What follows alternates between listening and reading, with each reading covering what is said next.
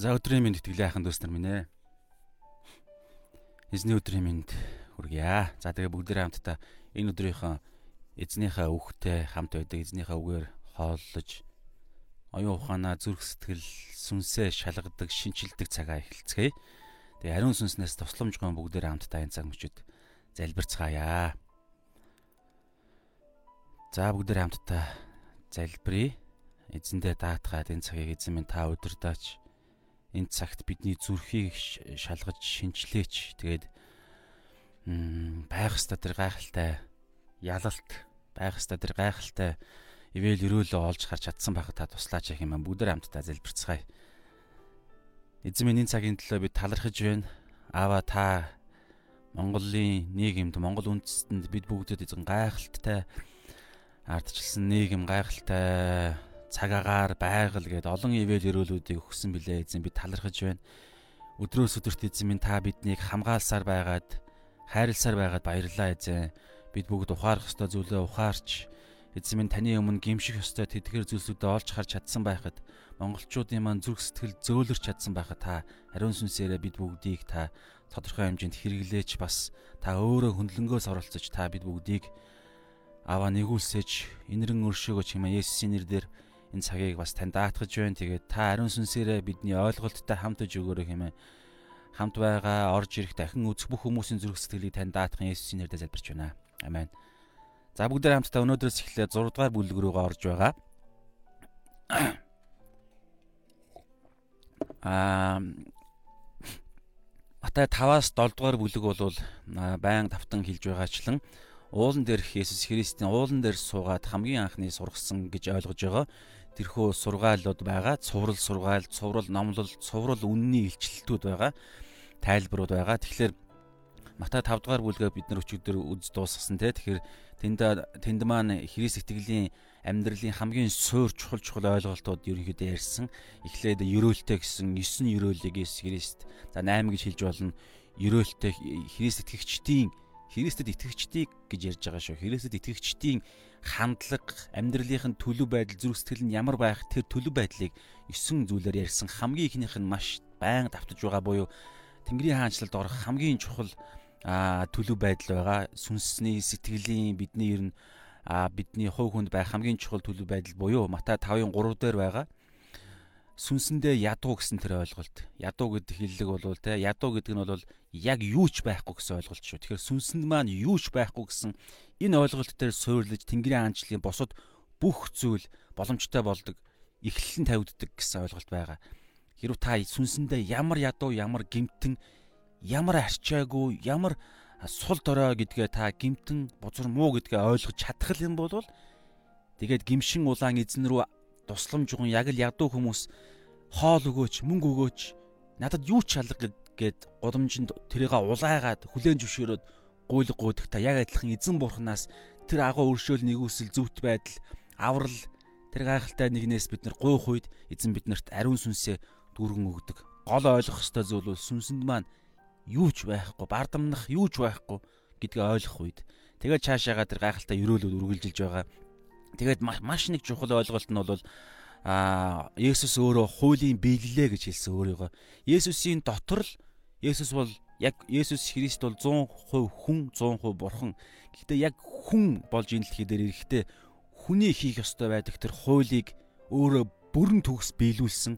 Дээр нь нэмээд бүр цаашаа илүү ахиц ахиц хийж алхаад хуулийн бүр хилдэггүй боловч хуулийн дотор нь байдаг хүмүүсүүд фарисеучуд хуулийн багш нарын ойлгодоггүй тэр амийг нь Иесус Христ а 6 жишээгээр хуучин хуулиас 6 хуулийг гаргаж ирээд өнгөрсөн Матай 5 дугаар бүлэг дээрээ тэгээд нэг үрчлэн Есүс Христийн дотор орсон үрчлэгдсэн ариун сүнсийг дотроо тээсэн сүнсэндээ ядуу гэдгийг ойлгож байнгын Бурханаас хамааралтай амьдрдаг тэр нэгэнд хуулийн багш фарисеучудаас буюу энэ дэлхийн зөвхт байдлаас бүр хамаагүй үлүү зүвт байх ёстой. Та нар ийм ийм тулд дуудагдсан гэд тэр хуулийг энэ дэлхийн хуулийн тэрхүү зүвт байдлыг гаргаж ирээд амийг нь яриад тэгээд ингэж та нар амьдрах ёстой гэж хэлсэн. Ариун сүнсээрээ. Тэгээд яриа явсан те хүн алахын үндс нь бол зүрхэндх уур хилэн гэж завхаарлын үндс нь бол зүрхэндх эмхтэй үнийг эрэгтэй үнийг тачаадан харах тэр бузар муу хүслээс эхэлдэг. Гэх мэтчлээ ингээд ерөөсөө салалт те хариу авах гэж ерөөсө бүх зүйл дээр яриа явж байгаа. Дайснаа хайрлах гэдгийг мэдчихлээ. Тэгээ эдгээр зүйлсүүдийг яриа явсан. За тэгээ үргэлжилж байгаа шүү. 6 дугаар бүлэг рүү одоо орж ийн. Тэгэхээр 6 дугаар бүлэг дээр бүгдээр хамтдаа унши 6 6 дугаар бүлгийн 1-ээс 4 дугаар ишлэл байна. Өглөг гэсэн сэдв. Өргөл биш шүү. Өглөг. За тэгээ бүгдээр хамтдаа уншаад явъя. Та нар бусдад харуулах гэж хүмүүсийн өмнө зөвийг үйлдэхээс сэрэмжлэх тун. Эс тэгвээс тэнгэр дэх эцгээс чин та нарт шагнал олдохгүй. Тиймээс өглөг өгөхдөө хүмүүсээр хүндлүүлэх гэж синагогт ба гудамжинд хоёр нүртнүүдийн үйлддэг шиг өмнөө бүрээ бүү тат. Үннээр би та нарт хэлий. Тэд шагналаа авчихсан юм аа. Харин та нар өглөг өгөхдөө баруун гарынхаа юу хийж бууг зүүндээ бүү мэдэгд. Энэ нь өглөгч нь нууц байхын тулд бөгөөд нууц харагч эцэгч нь чамд буцааж төлнө. Амен. За одоо ингээд яг 6 дугаар бүлгийн 6 дугаар бүлгээс эхлээд А Матай уулан дээрх Есүс Христийн уулан дээрх сургаал үргэлжилж байгаа.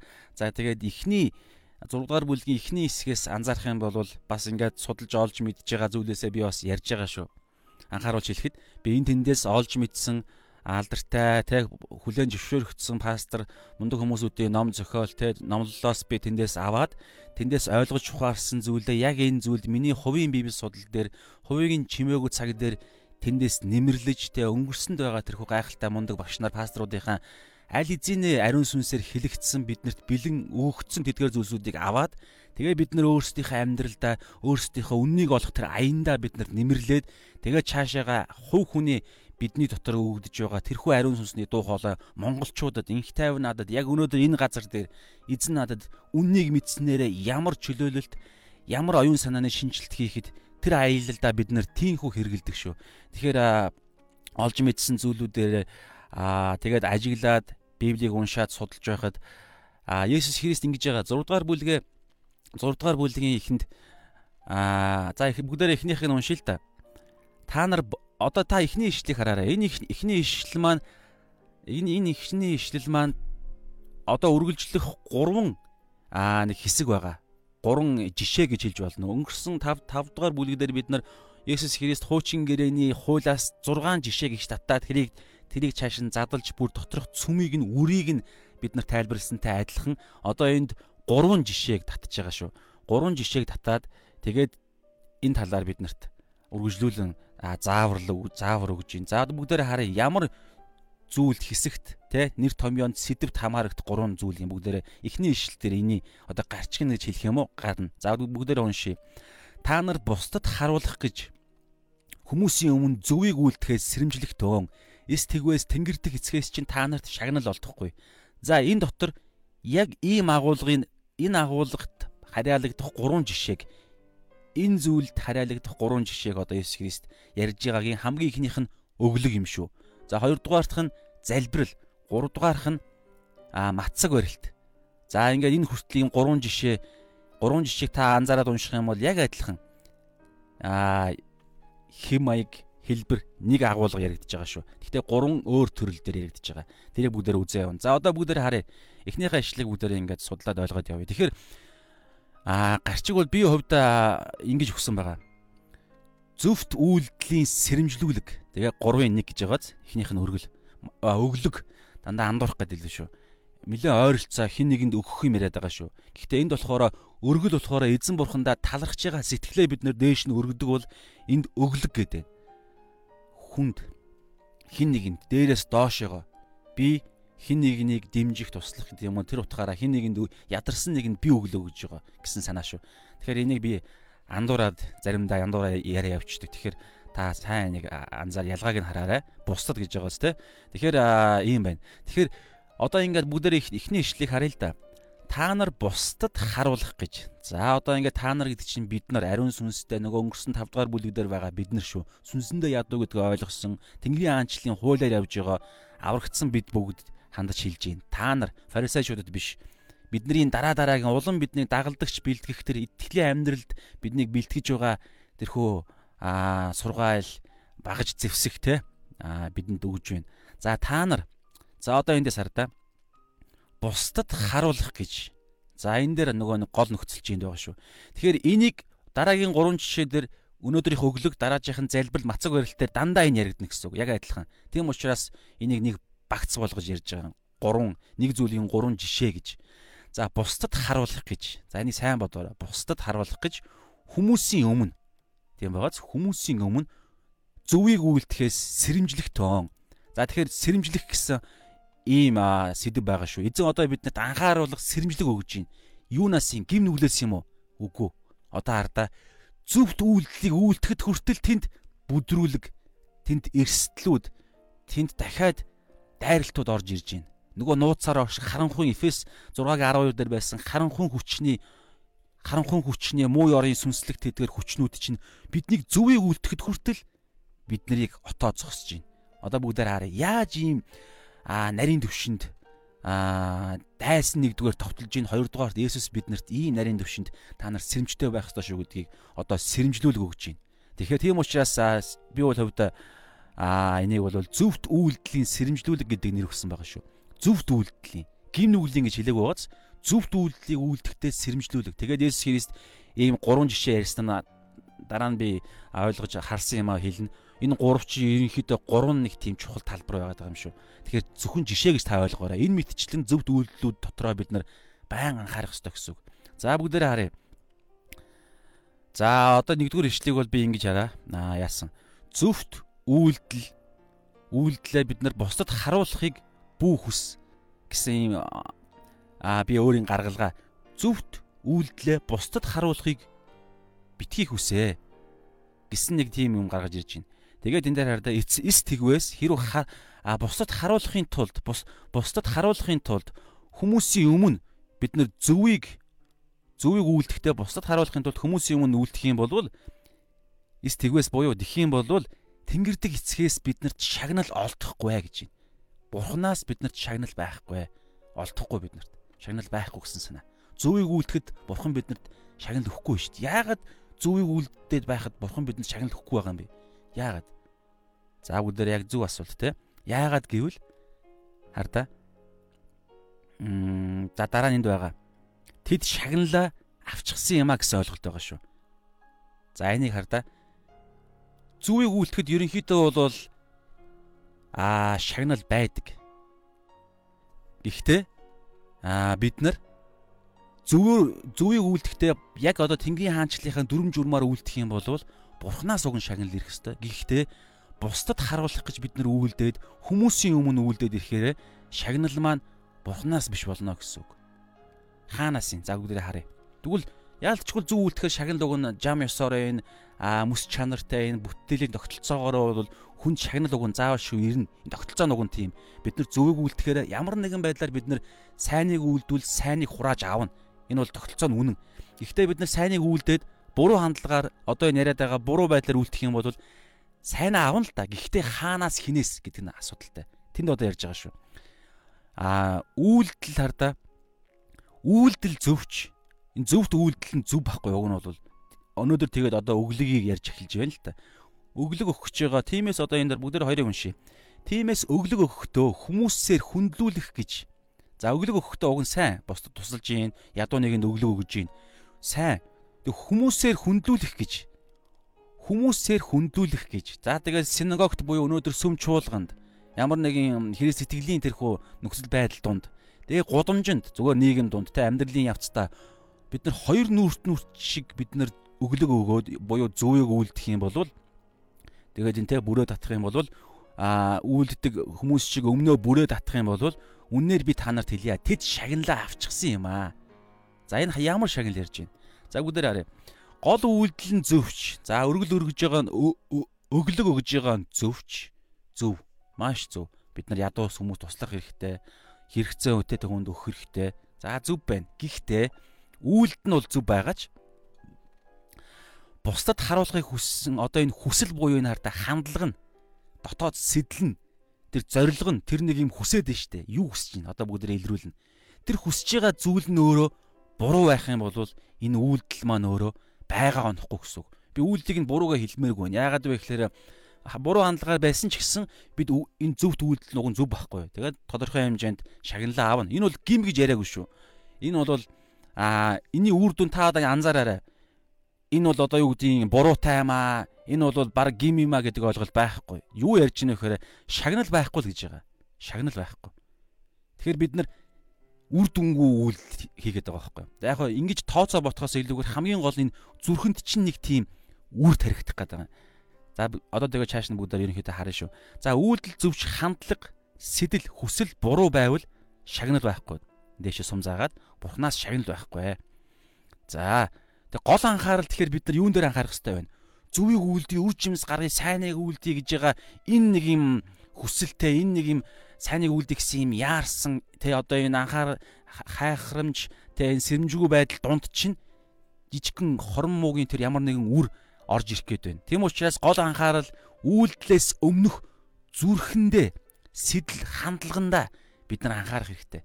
Үйлдэх гэж байгаа зөвөө. Гэхдээ тэнд чинь гой зүйлтэй биднээс гарч байгаа тэр зориулалт мөнгө санхүү тэр босд өгж байгаа өглөг за цаг зав ч юм уу юу ч хийж болно. Хайр те тэгээ за хайрыг мэдэхгүй байна. За ямар ч сан тэр нэг юм өглөг өгж байгаа биднээс гарч байгаа тодорхой хэмжээний зориулалт золиос золиос гарч байгаа тэр зүйл чинь үр дүнтэй байвал гоё үстэй амжилттай байвал.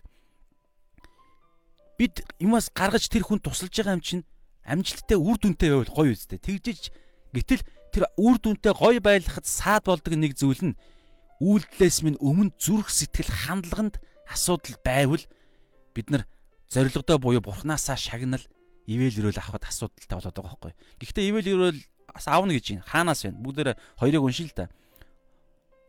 Үннээр би та нарт хэлье. Тэд шагналаа авчихсан юм аа. За тэгвэл одоо нөгөө шагнал нь хаана байгаа юм?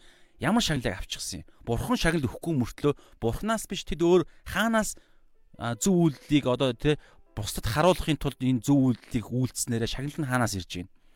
За одоо энэ бусдад харуулах гэдэг энэ ойлголтын дээр байгаа. Тиймээс өглөг өгөхдөө хүнээс хүнээ хүмүүсээр хүндлүүлэх гэж. За одоо энэ тарда хүндлүүлэх гэсэн ойлголт. Синагогт ба гудамжнууд хоёр нүрт гудамжинд хоёр нүртнүүдний үйлддэг шиг өмнөө бүрээ бүүдат. Тэгэхээр харда хүнээс өөртөө алдар авах гэсэн энэ шагнал байхгүй юу? Та одоо боддоо. Та өөр зүгээр өөрөө зүгээр ингээд төсөөлдөө За би одоо энэ өглөг ярьж байгаа юм чи өглөг дээр л өглөг гэсэн жишээн дээр л бүгдээрээ ярилцъя. За би гудамжинд явж гин. Магадгүй би хажууд найзтайгаа явж гин. За миний бүр эсийн маань дүү байна. За би пастор байлаа гэж зүгээр бодъё. А манай цуглааны хүн надтай хамт явж гин ч юм уу те. Эсвэл за цуглааны хүн маань за би пастор мастер яриад явах те. Яг өөрийнхөө л яриа. Зүгээр би нэг итгэгч нэг хүн. За би энгийн нэг итгэгч залуу. Тэгээ явж байхад миний таньдаг итгэгч хүн надтай хамт явж гин. Би өөрсдөө нэлээ хамааруулж ярих гэж бодох гэж оролдож байна л та. За таньдаг найзтайгаа итгэгч найзтайгаа би хамт явж гин. Энэ бол байнга тааралдаг та мэдж байгаа. Тэгээ явж идэл нэг хүн гуйлгуугаа зогсож байна. Эсвэл нэг хүн нөгөө нэг гудамжинд нэг биднээс юм гуйдаг хүмүүс байдаг шүү дээ. Энд тааралдаад янз бүрийн жишээ мишээ хэлээ те ингээ хүүхд өвдчихлөө гэсэн чинь туслангуут маргааш нь дахиад яг нөгөө сэдвээ хэлээд явж идэв. Нөгөө дэр нь дахиад сарын дараа яг нөгөө юм сэдвээ хэлээд явж идэв. Хүүхд нь хідэн удаа өвддөйн те. Эсвэл а налаахаас наашаа ирэх налаа харууга гэрлүүгөө явах гэсэн чинь автобусны байд мөнгө байдаггүй гэл маргааш нь адилхан ч байх жишээний нэг шалтак жишээ олцоод ингэж гуйлгагүйдэг. За тэр нь хамаа байхгүй. Ямар ч яг жинхнээсээ гуйлгаж байгаа хүмүүс ч байгаа. За тийм хүмүүс таарлаа гэж бодъё. Тэгэнгүүтэл бид нар хажууд байгаа найздаа өөрийгөө за би шууд яг энэ библийн нүгээр нэрийг хэлье. Өөрийнхөө нэрийг алдаршуулахын тулд за эсвэл ингээл За таньдаг гэж би самилаа өөр юм суулж ярьлаа. За бүр ингэ гудамжинд байгаа хүмүүс байсан ч болно. Эсвэл гуд намаа нэг ойр зур таньдаг хүмүүс. Би тэдгээр хүмүүс намайг харж байгааг би бодоод тэгээд тэр хүнд би өөрийгөө нэр хүндээ бодоод нэр хүндээ алдаршуулахын тулд би нөгөө хүнд өглөг өгье гэсэн сэтэл нь тэндээс эхэлж байгаа байхгүй. Тэнд гуйлахчин хүний тэр ядарч байгаа одоо хүүхэд ч юм уу эмэгтэй тэр хүний эрэгтэй ч юм уу тэр хүний хэрэгцээг нь би бодож тэр хүнийг хайрлсан сэтгэлээр биш. Өөрийнхөө нэрийг бодож хайр ярддаг. Манай би пастор дээр л ярьчих зүгээр. Би одоо жишээ нь пастор байлаа гэж бодоход манай их тайван пастор те бусдад үг бусдыг хайрл ядуус туслагж номлодог. Магадгүй яг бүтэнсэн өдөр нь би тэгж номлолцоод би тараа явж байгаа цулааны хүнтэйгээ явж байгаа тийм хүнтэй таарчлаа гэж бодъё л та. Тэгсэн чинь би өгмөөргөө санагдаад санагддаг. Би хэрүү хинтээч яваагүй годомжинд нэг ч хүн байхгүй бол би ажуугаар нөхгүй тийм хүн байлаа гэж бодъё. Тийм хүн. Гэтэл тэр нэг сэтлээс болж өөрийнхөө нэр алдрыг бодож одоо энэ тардаа хүнээс өөртөө алдар авах гэсэн тэр сэтэл тэр одоо энэ дээр хамгийн ихэн дээр байгаа бусдад харуулах гэж тэгээд өглөг өгөхдөө хүмүүс хүмүүсээр хүндлүүлэх гэж одоо энэ гудамжинд синагог чуулганд ялгаа байхгүй чуулганд болон чуулганы гадаа гэсэн санаа тэрийг би өгж байгаа байхгүй Энэ нь болохоор өгж байгаа тэр хүнд ядуу гуйлахчин тэр хүнд нэмэр болж байгаа юу? Болж байгаа. Энэ сайн зүвт үйлдэл мөн үү? Үйлдэл ярьж байгаа шүү би. Гадаг илэрлийг нь яг энэ хэлбэрийг нь би мөнгө гаргаад өгж байгаа энэ үйлдэл харагдах гаднах байдал нь зөв зөв. Энийг бол тийм учраас хараа а та нар хамгийн ихний ишлэлээр та нар бусдад харуулах гэж хүмүүсийн өмнө зүвийг үлдэх гэж байгаа сте. Зүв. Зүвийг үлдэх. Гэхдээ сэрэмжлэл гэдэг нь юунаас бусдад харуулах гэдэг дээр байгаа байхгүй. Тэгэхээр үйлдэл нь бол зүв. За би ингээ өглөө. За тэгээд үйлдэл нь зүв юм чинь би хин нэг нь сайн үрийг тарьсан юм чинь хандлага буруу байсан ч гэсэн үйлдэл маань зөв хин нэг нь тусалсан учраас надаас тодорхой хэмжээний золиос зориулалт гарсан учраас яг л сайныг тариул сайныг хураана гэдгээр уг нь сайныг аавна. За би аавна. Бурхан ч гэсэн сайн хэлсэн. Тэд шагналаа 2 дугаар ишлэл дээр авчихсан гэж хэлж чинь. За тэгвэл тэр шагнал нь юу юм? Яг л миний сэтэл, миний хүсэж исэн зорилго. Би ямар зорилгоор би энийг өглөө? Энэ хүнд нэрээ хамгаалахын тулд би хамгаалж чадчих байгаа шагнал байхгүй юу? Энэ хүн оо манай пастор чинь номсныхоо үгийнхээ дагуу үйлдэл гаргад юм байна. Эсвэл манай 50 80 итгэлийн маа найз яг л ингээд те одоо ингээд юу матаагаар ингээд чимээгөө цагмаа хийгээл байна. Тэгэхээр яг энийхээ дагуу үйлдэж чадчихээн. Миний нэр нэрээ би хамгаалах буюу ийм шагналаа авч байгаа үстэй. Энэ бол яг бодиттой ийм шагнал надад ирж байгаа. Эсвэл би зүгээр өөрийгөө алдаршуулчлаа. А миний нэр тэ мундаг манай инх тайван пастор эсвэл инх тайван маань одоо их юм байдیں۔ Тэр маань мундаг шүү ингээ хүмүүс туслаа яваад идэг. Хаста мундаг залуу гэж яриад явах байхгүй. Энд чи харж уу? Би энэ дэлхий дээр яг л нөгөө сэдлийнхэн дагуу би шагналаа авсан гэсэн үг байхгүй юу? Би худлаа юм уу? Үнэн шүү дээ. Тухайд би яалтчгүй л өгсөн. Яалтчгүй би надаас зориулт гарсан. Би 100000 төгрөг ч юм 5000 төгрөг надад хэрэгтэй шүү дээ. Гэтэл би өгж гин тэр хүнийг бодоод гэж харагдаж байна. Тэгэхээр шагнал гэж энийг яриад байгаа юм. Гэхдээ би өөр юу алдаж байна? Энд яг бодиттой нэг алдаж байгаа нэг зүйлийг хэлж байгаа шүү. Библиэлд байгаа өстэй. Эхнийхээ ишлэгийг харъя л да. За бусдад харуулах гэж бид нар хүмүүсийн өмнө зүвийг үлдвэл сэрэмжил гэж байна. Яагаад сэрэмжлэх юм? Энэ дэлхий дээр тэр нэг алдарш алдраад байгаа алдаршаад байгаа тэр нэр нэр мэрэ хамгаалаад байгаа юм чинь үнэндээ дэндүү өрөвдөлтөй юу ч биш байхгүй юу да а тана санаж байгаа бол миний орчуулсан байгаа Shalom видеос дээр Passion of the Christ-ийн гол дүр тоглосон Jim Caviezel-ийн гэрчлэлийг санаж байгаа те тэрэн дээр яадаг вүлээ хамгийн төгсгөлт нь та төгсгөлийн төгсгөлийн үгсийг та сонсоорой. Тэр Jim Caviezel ч одоо Hollywood-ийн од штэ.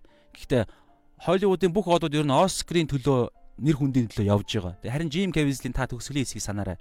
Юу гэж хэлдэг вүлээ энэ дэлхийд ингэж ярьдаг. Олон юм ярьдаг тэр дунд нь. Энэ дэлхий таныг алдар нэртэй байх юм бол таныг өстө нэр хамгийн өндөрт гарталчин магтж ягаад хэрүү таныг өндөр өндөрөөсөө унах юм бол таныг бүр газарт ортол нь таныг муулж таныг хайч чаддаг гэж байгаа байхгүй. Нэр хүндийн энэ дэлхийн нэр хүндийн тэр үн цэнийг тэгж ямар ч үн цэнэгүй мэт ярьж байгаа. Тэр нь яг үнэн. Өнөөдөр Оскар авсан ямар ч хүн байсан нэг юм хүн таалагдахгүй нэг юм байх юм бол тэрийг нэг юм хийх юм бол а мэдээ сошиал медиа сурвалжлагч нарт галт ортол нь муулна тэр нь тэднэрт маркетингийн хувьд ашигтай байхгүй юу?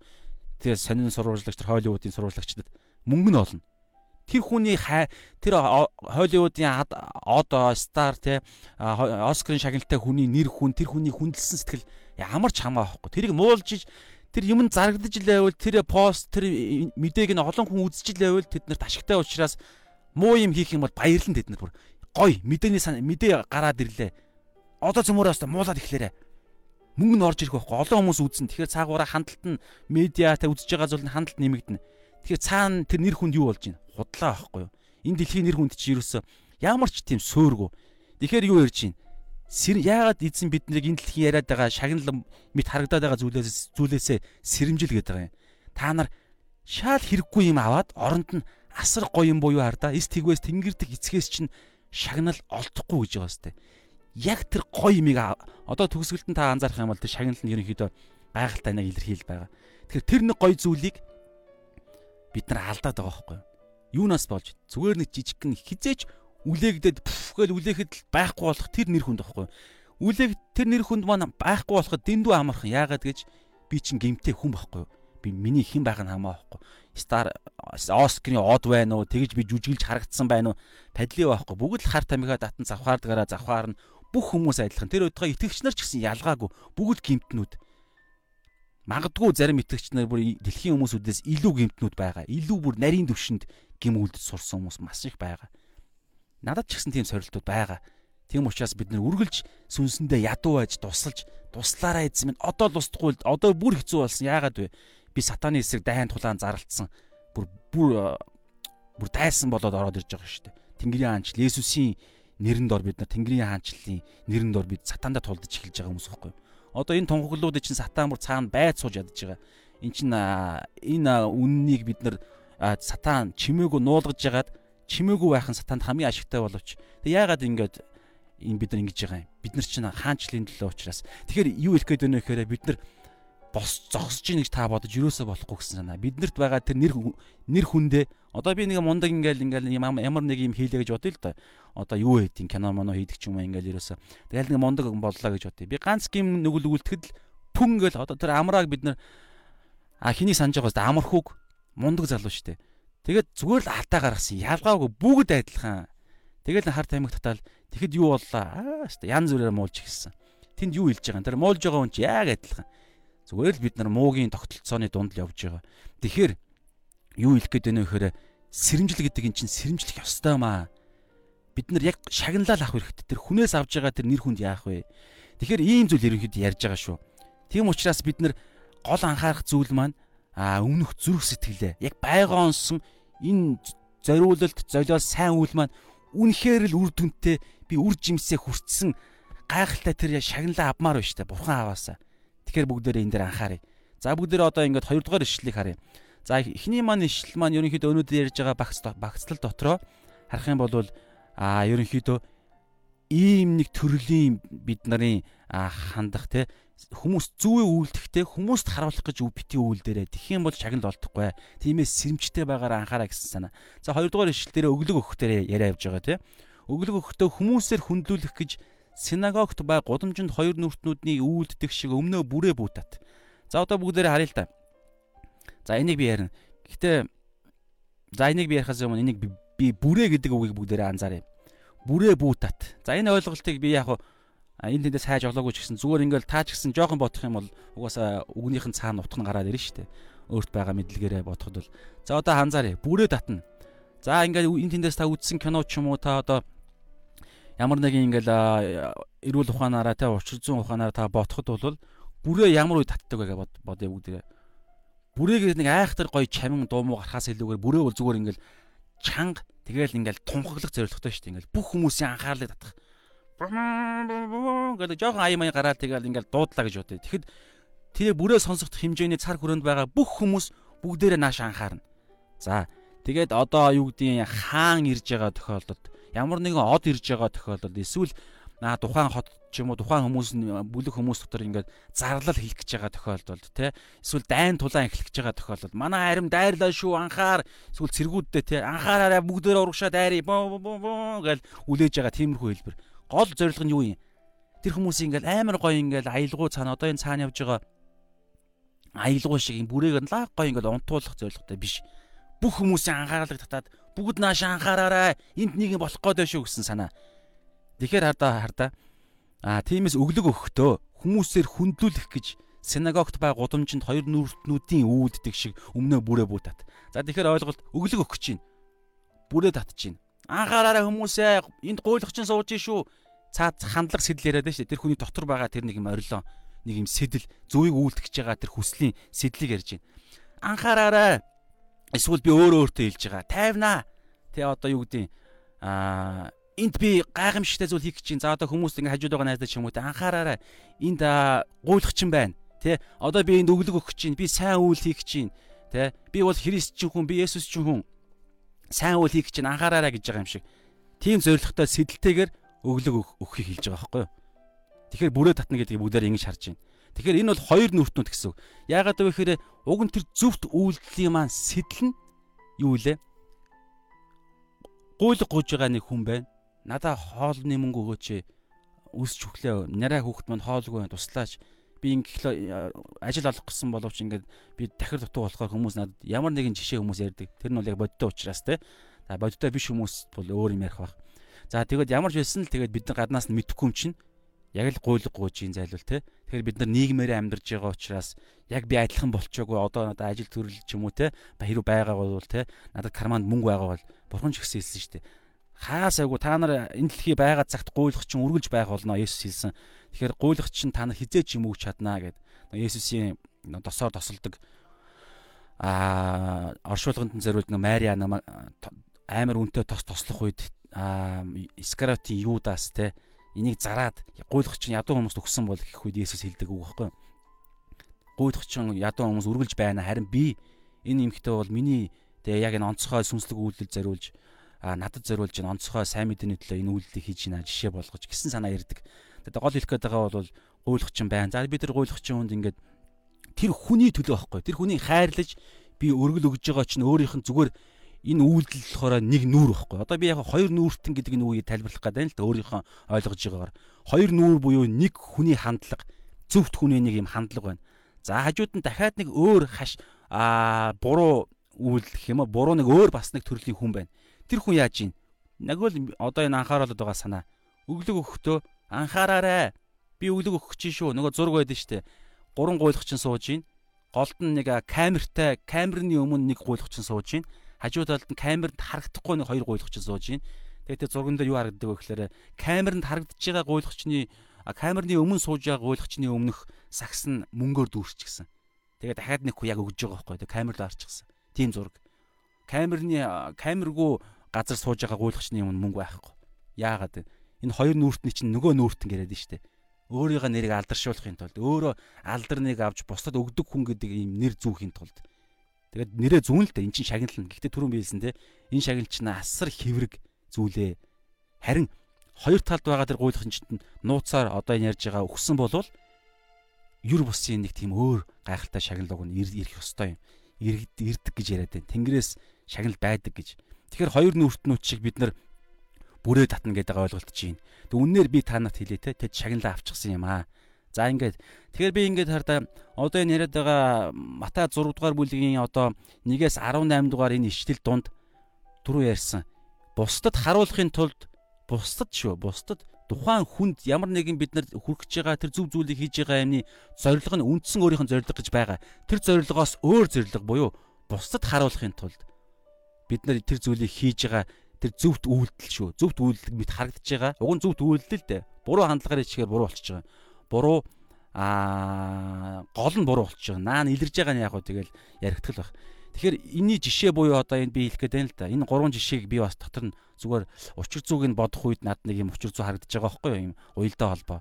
За эхнийх нь нэгээс Матай 6 дугаар бүлгийн 1-ээс 4 дугаар ишлэл дээр өглөг гэсэн юм жишээг Есүс иш татсан. За 5-аас 15 дээр залбирал гэж байгаа. Та харах юм бол яг адилхан эхэлнэ. Сүүлдээ нууцаараа оршиж эцэг нь та нар буцааж төлнө гэсэн санаа. Тэгээд бусдад харуулахын тулд гэдэг энэ хиллэг яг ихэнх төгсгөлд нь яваад байгаа.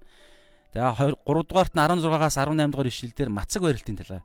Тэгээ энийг ингээ анзаарах над зүгээр бодох үед та сайн л нэгдэх нүг үе би сайн мэдэхгүй байна. Миний хувийн хувийн чимээгүй цаг бясалгалын үеэр та боддоо өглөг өгч яадаг үлээ.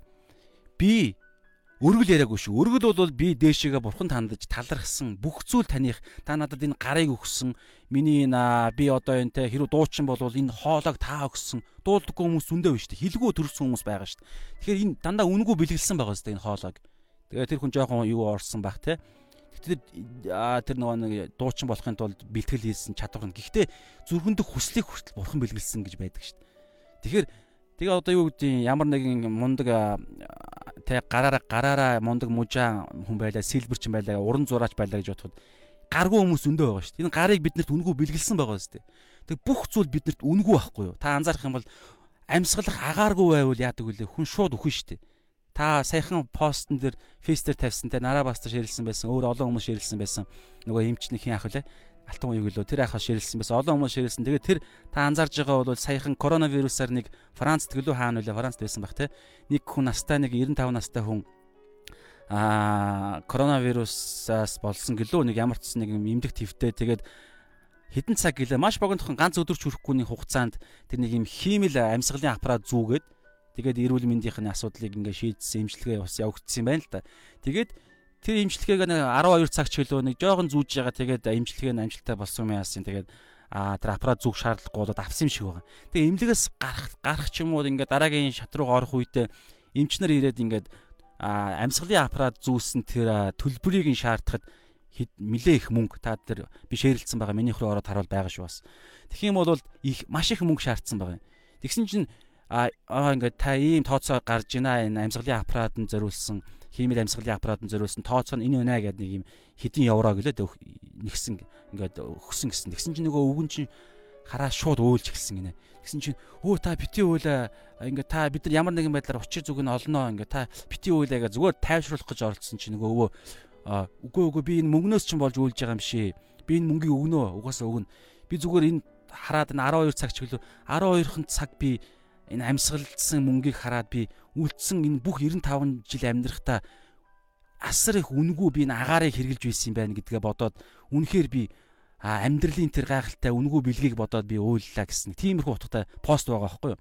Тэгэхээр эндээс юу хэлж чинь биднэрт байгаа хамгийн үнцэнтэй зүйлс дандаа үнгүй байгаа та бодоорой. Ус янз бүрийн гоё жимс тандаа газраасаа үнгүй гардаг. Газар хизээш биднээс юм шаарддаг. Ганцхан шаарддаг юм хөдөлмөр л шаарддаг.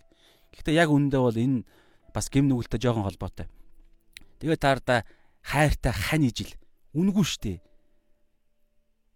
Надад намайг мөнгөөр ав гэдэг одоо юу гэдэг ихнэр найз охтууд байна уу? А мэдээ цаанаа нэг юм мөнгөний холбогдолтой юм бид нар ингээ орчин үед янз янзын болоо гэж ярьдаг боловч тэр чинь худалдаж байгаа юм биш штэ. Зүгээр амьдрахад чи нөхөр маань те найз залуу маань чи амьдрал аваад явж чадахгүй гэсэн санааг л зайлуул хэлж байгаа юм. Тэ. Тэгээ одоо юу вэ? Ээж байна үнэгүй, үр хүүхэд үнэгүй, амь үнэгүй шүү дээ бодолтой. Гэтэл бид нар хартаа юу вэ?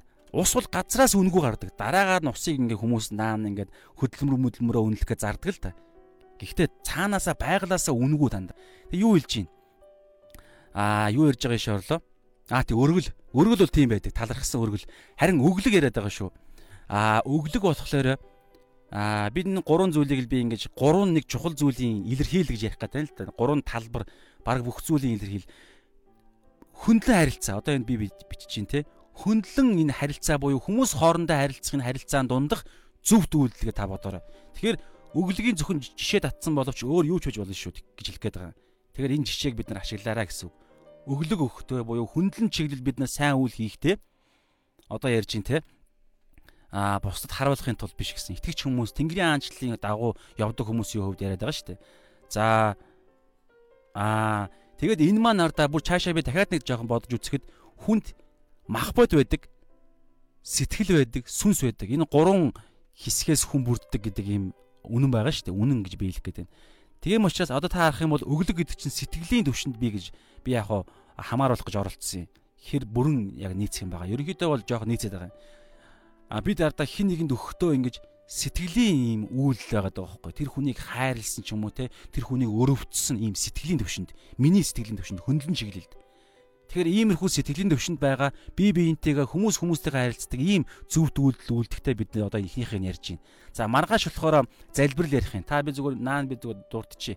Залбирлыг та хандах юм бол хүн одоо би танд хандаж залбирна гэж байх уу? Аа ямар нэгэн шашны те өөр хүмүүсүүд өөр босод те шашнуудад байдаг юм уу мэдэхгүй байна.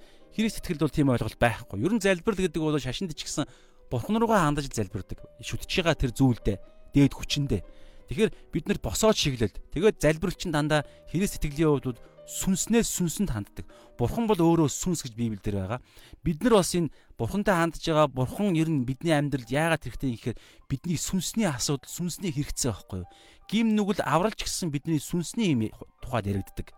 Сүнсэнд маань ял шитгэл гимээс болж тэгээд там мөнхийн ус, тэнгэрийн ус ч гэсэн бас сүнслэг ойлголт нэг талаараа. Гэтэ яг алдрын бий гэж байгаа л да. Гэхдээ тэнд сүнслэг орших байхгүй юу? Тэгм учраас Эфес 6-гийн 12 дээр байдаг штеп. Сүнслэг ертөнцийн тэр сүнслэг ёр муу хүч гэж байгаа. Тэдний эсрэг бид нар тулдж явна гэсэн санаа Эфес дээр байдаг. Тэгэхээр залбирал бол бас сүнслэг энэ босоо чиглэлдэх бидний зөвхт үйлдэлээ бид нар хийхдээ бас юу анхаараа гэдэг зүйлийг маргааш ярина.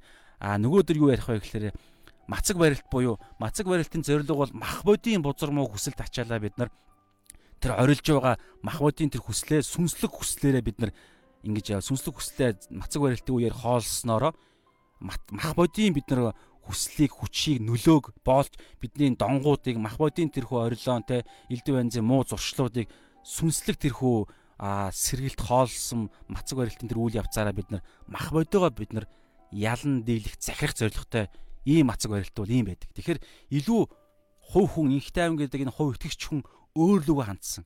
Би одоо ямар итгэгч хүн бэ? Миний сүнслэг өсөлтөнд миний мах бодийн эрүүл мэнд ч гэдэг юм уу? Яг энэ миний төлтөв байдал руу надад хандсан ийм а мацаг барих гэсэн ийм үйлдэлээ бид нар амьдрал дээр хийж явахтаа хүртэл дахиад хүнээс алдрах гэсэн ийм мэхлэлт ийм сэтлүүд сорилтууд байна гэдэг зүйлийг нөгөө төр бид нар үзнэ.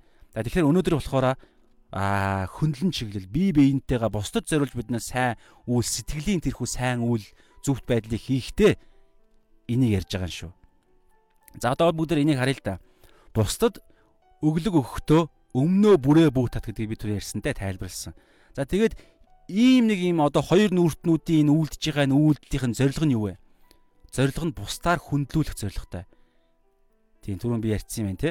Тэгэхээр ийм зорилготой хийгээд байгаа байхгүй юу? тэр хүн туслах гээд байгаа юм биш. Бусдаар би тусалж байгаагаа би бусдад харуулж аа тэгээ би аа дараа нь одоо гарч ирнэ. Аа тийм зоригтой үйлдэлүүд байгаад байгаа шүү. Тэгэхээр та анзаараарай. За тэгээд бүгд дээр 3 дугаар ишлэг харъя. За одоо энэ дээр болохоор сэрэмжлүүлгээ сайн ингээ хэлжлээ. 1-р ишл, 2-р ишл дээр а өглөгийн талаар та нар ингэж э, бусдад өглөг өгөхдөө өмнөө бүрээ бүү татаа бусдаар хүндүүлэх зорилготойгоор буруу зорилготойгоор буруу нүүр гэсэн буруу зорилго хэлсэн ч болно. Хоёр нүү зорилго гэдэг а зөв зорилго нь бол зөв хандл сэтэл буюу зөв нүүр нь бол одоо энэ ярьж байгаагаар бол зөв нүүр нь тухайн хүний төлөө тухайн хүн туслахын төлөө бид нар тухайн хүнийг хайрлсан өрөвдсөн сэтгэлээр Бурхан ертөнцийг үнэхээр хайрлсан бол гэж байгаа шүү дээ. Цорын ганц хүүгээ яриад Есүс цорын ганц амиа тэр хүний төлөө өгсөн. Хайрласнаас агапе хайраас болж. Тэгэхээр бид нар хин нэгэнд өглөг өгөхдөө тэр хүнийг өрөвдөж яг л миний хамгийн хайртай аав шиг, хайртай ах шиг, хайртай хүүхэд шиг маань ядраад Монгол ахын дүүс илэг нэгтэй монголчууд маань гуйлгуугаа сууж байгаа байхгүй өссөө сууж гин өвлийн хүүтэн даарад ингээд сууж гин эсвэл дуу муу дуулаад юм юм дарцсан зайлвал те баян маян дарцсан хүмүүс сууж идэг хаяа газараа бид нар өглөг өгөх нь бидний үүрэг юм шүү ахын дүүс маань байвал та. Байхгүй ядаж хажуугаар залбираад явд юм уу өрөөгөөд явд юм уу яад тийм те. Тэгэхээр энд чинь ийм асуудал байна гэж ийм сэрэмжлүүлэг хэллээ. За харин тэгвэл энэ тохиолдолд яах вэ? Одоо бид нар тэгвэл за ингээ болохгүй юм ойлгочлоо. Ийм хандлага бодох юм байна. Би өгөхдөө өгөөрөө буруу хандлагатайгаа битгий өгөхөө болчихоор ахын дүүсээ. Өгнө. Зүгээр тэнд та нөгөө нэг биднэрт байгаа эрх чөлөө чинь тэр штэ. Өмнө бид нар юу боллоо? Тэр 6 жишээг татахад наан нь бид нар олж илрүүлээд жишээ нь би а хүн ална гэдэг бол заавал алж ижил хүн аллах болдог гэдгийг нийгмийн эрүүгийн хууль, хуучин гэрээний хууль гэдэг байсан бол бидний хувьд дотроо уурлах үед бид тэр хүн алдсан гэж алчлаа яг бодиттой үнэн сүнслэг тийм ойлголтоор бол тийм учраас би тэр дор нь би шууд аа би энэ хүнийг алчлаа. Би алуурчин болчлоо гэд гимшээд алуурчин болчлоо. Одоо би өөх хөстэй учраас гэд би өөхья гэд Есүсийн дотор нэгдээд миний өмнөөс Есүс үхээд харин амьдлалтай намт би Есүсийн зөвхт байдлыг ариун сүнсээр аваад тэгээд би тэр дорн би уурлах үедээ энийг шийдээд уурыг байхгүй болгож байгаа процесстэй адилхан баггүй. Би өглөгөө өгнө. Гэхдээ хандлагаа би шууд шалгаад ариун сүнс танд шалгуулна, танд хэлнэ. Шууд мэдэрлээ. Тэрхэн дороо би шууд сэгсрэл та шууд байхгүй болгочихсон юм байхгүй болгоод юу гэдэг юм зайлмаа бодолч гэдэг юм уу ямар нэгэн та өөрийнхөө аргаараа тэр бодлыг шууд байхгүй болго толгой дээгүүрчин шуу нисээд нисч нөгөө нисчил байг. Харин үүрээ засах гад яг өглөг өгөх үед үүрээ засах буюу тэр бодол орж ирэх үед хүш яв гэл хөгөө явуулчих яг энэ имийг ярьж байгаа шүү. Тэр бодлыг хөгөө явуулна. Тэгтээ та ямаа хийн. Одоо зүв бодол тэгвэл юу юм? Одоо бүгдээр харъя. На түрүүн ярьсан. Аа тэр хүний төлөө гэсэн. Гэхдээ одоо чиглүүлэг яах гэж байна? Яаж хэрхэн үргээ хийн?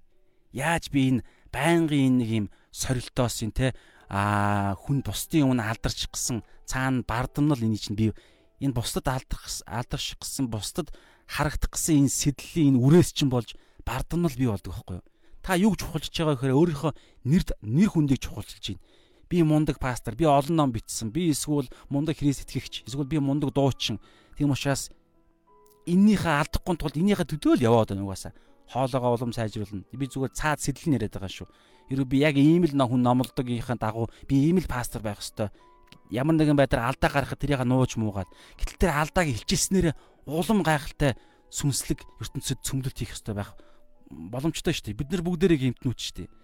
За тэгэхээр энэ зүйлээс бид нар хэрхэн яаж аа сэрэмжлэх юм те тэр чиглүүлгийг одоо бурхан бидэнд хэлж байна. За бүгдээр уншия. 3 дугаар ишлэг уншия энэ дотор байгаа. Харин та нар өглөг өгөхдөө баруун гарынхаа юу хийж буйг зүүндээ бүү мэдэгд. За энэ дотор маш чухал хэдэн зарчим байна. За яаж үйлдэхгүй байхыг хэлсэн. Одоо харин яаж үйлдэх юм? Юуг анхаарч ин сэрэмжтэйгээр бид нар үйлдэх юм? Баруун гарынхаа өглөг өгөхтэй ярьж байна те.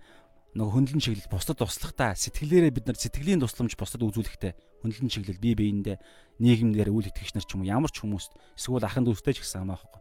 Өглөг өгөхдөө баруун гарынхаа би баруун гараараа өглөг өгж чинь зүүн гартаа бүүм идэх гэсэн санаа. За энэ жишээнээс бүгдээрээ энэ илэрхийллээс цаана юу байгааг бүгдээрээ би бодоод тодорхой хэмжээнд өөрийнхөө хэмжээнд олсон юм а бүгдээрээ танд бид хуваалцсан юм.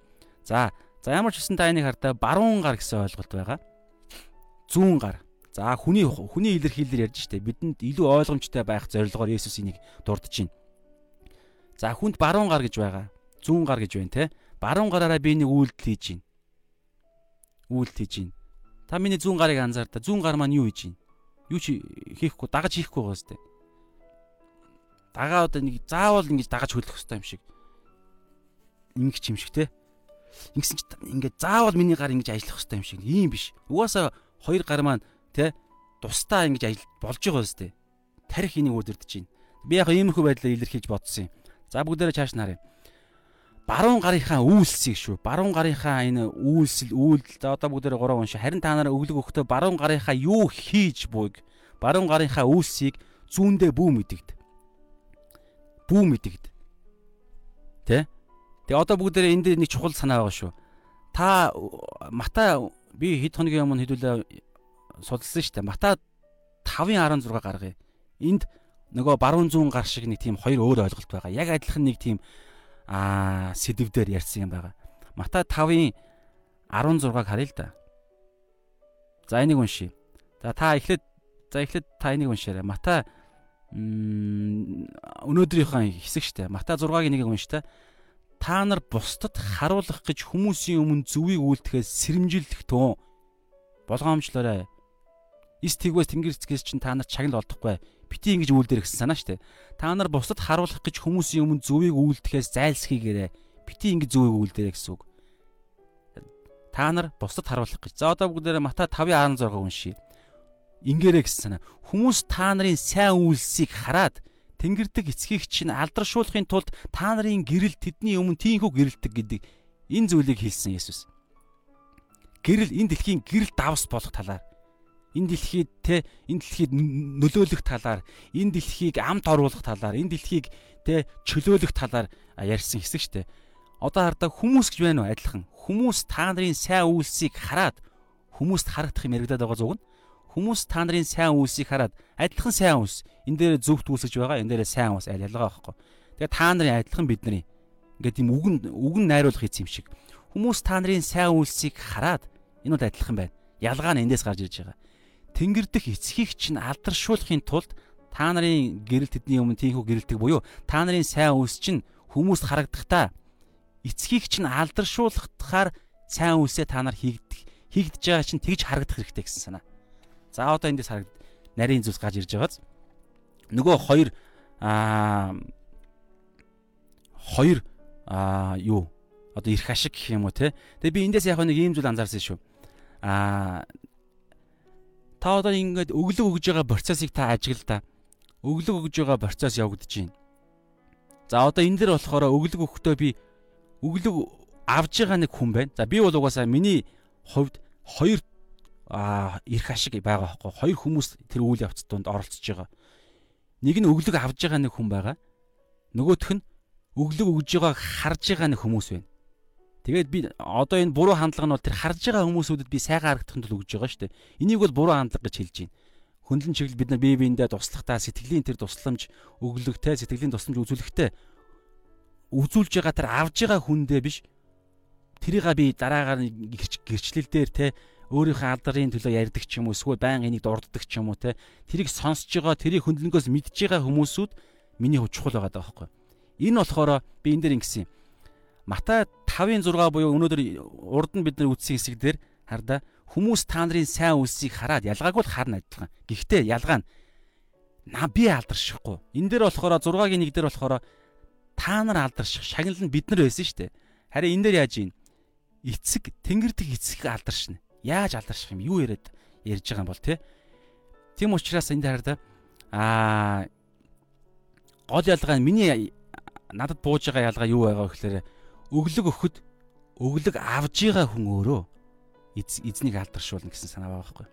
Тэр хөндлөнгийн хүмүүсийг юусаа март мартах хэрэгтэй. Миний хувьд надад тийм хэрэгжүүлэлт гарч иж байгаа. Тэр хөндлөнгийн хүмүүсүүд хүмүүсүүдийг анзаардаг ч юм уу тэр одоо бидний энэ сайн үйлд тэр оролцоод ирэхээр юу болох вэ гэхээр буруу хандлага юу болно гэсэн. Тэгэхээр би хин нэгэн хүнд өглөг өгж байгаа бол өглөг авж байгаа хүн л эзнийг алдаршуулах боломжтой ганц хүн тэр байгаад байгаа байхгүй.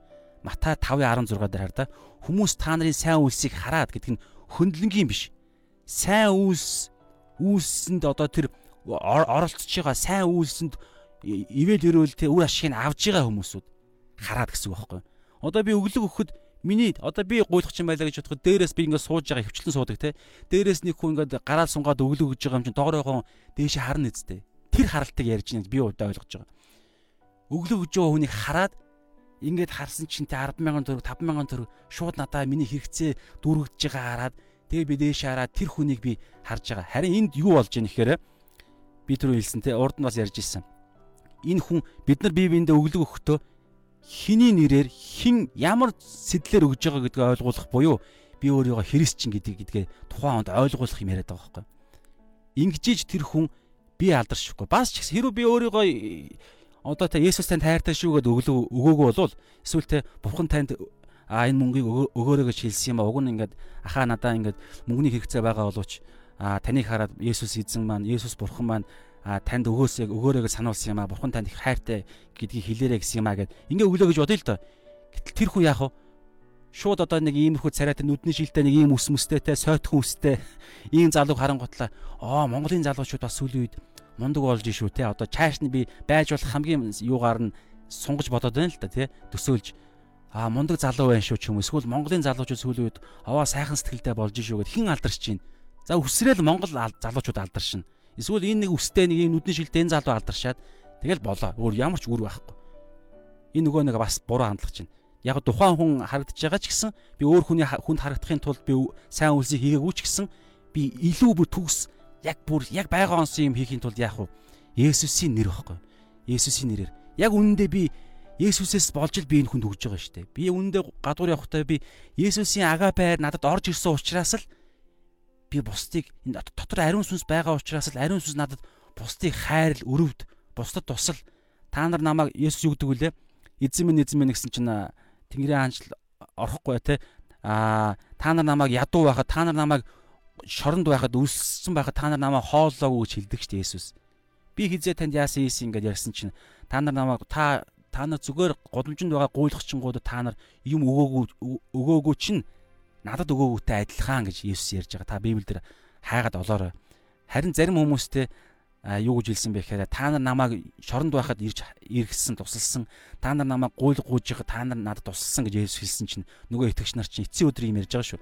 А эзний өмнө очих үед гэсэн хизээ би танд тусалсан юм бэ? Би тантай тааралдаачгүй шүү дээ. Би бүр 2020 онд амьдарч ирсэн. Та чинь бүр манай эртний те 30 онд амьдарсан биз дээ. Би тантай уулзаачгүй шүү дээ гэд хэллээ гэж бодъё л доо. Тэгсэн чи Есүс Үгүй ээ гудамжинд явж байгаа тэр гуйлахчин хүний дотор нь бий байсан юм аа.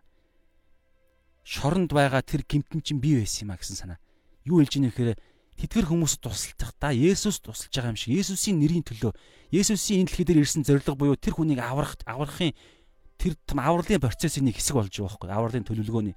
Тэгээ би тэгж туслахад Матай 5:16 дээр юу гэж байгаа лээ? Харин хүмүүс та нарын сайн үлсийг хараад Тэнгэр зэг эцгийгч нь алдаршуулна. Тэгэхээр Есүсийн нэрээр алдарчлаа, алдарч чинь. Эн чинь үр таригдж байгаа байхгүй? Тэгээ тэр хүн дараа нь юу гэж бодох вэ? Есүс надад хайртай гинөө. Есүс гэдэг энэ Есүс гэдэг нэрнээс л болж энэ нэг залуу нүдний шилтэй өстэй ийм өстэй залуу надад 5000 төгрөг өгж байгаа юм байна ш. Тэгэхээр чи Есүс гэдэг чи юу вэ гэд бодно үсттэй нэг тийм юм үр таригдж байна. Энэ үед зүрхэн нэгдлээ. Энэ үед одоо яах вэ? Ариун сүнс, тэнгэр элч нар энд ажлыг хийхгүй гэж юу? Ийм юм ерөнхийдөө ярьж байгаа юм шүү. Тэгэхээр аа ийм гэрчлэгчд гэдэг нь бол ингэж гарч ирнэ би бодож байгаа юм. Харин бишрэгчд гэдэг юм нөгөө буруу хандлагаас бишрэгчд гэдэг ийм үр дүн гарах боломжтой. Хэрвээ бид нэр сайн үйлс маань бишрэгчдийг бий болгож хүндлэгчд, бишрэгчд те намааг алдаршуулагчд бий болж ивэл яг энэ Матай 5:16 дээр байгаа Тэнгэр эцэг маань алдаршихгүй. Бид нар гэрэл давс бид нар болж чадахгүй байх гэсэн. Хангалттай болж чадахгүй байх гэсэн үг. Хангалттай гэж юус чадахгүй байна. Яагаад гэж яг энэ ертөнцийн ариун сүнсний энэ гэрэл давс биш байхгүй. Би зүгээр л нэг хүнийг л алдаршуулчлаа. Зүгээр нэг монгол залуу аваа сайхан сэтгэлтэй монгол залуу биш. Монголчууд маань сүлөө сайжирж иш угаал яриа л явна угаасаа. Харин би Есүсийн нэрээр хийж эхлэх юм бол хүмүүс Есүсийг гэрчилж эхэлнэ. Есүсийнхэн аваа байш шүү гэж ярьж эхэлнэ. Хөндлөгийн өмнө ч гэсэн ярин тухайд уссан хүн ч гэсэн хувьчилж Есүсийг бодно. Тэгээд хайрыг илэрхийлэх юм бол а харин би одоо энэ дэр нэг юм бодсон юм баруун гарынхаа үйлсийг зүүн гартаа бүү мэддэг гэдгийг би илүү дотгошоогоо би одоо бодод байна л та. Тэгэхэд яасан бэ гэхээр та нэг ийм би нэг ийм зурглалыг бодсон. Та тэрийг ойлгох гээд боддоо. Баруун гараараа би ингээд ямар нэг юм байна уу? За энийгээ л ярьчих.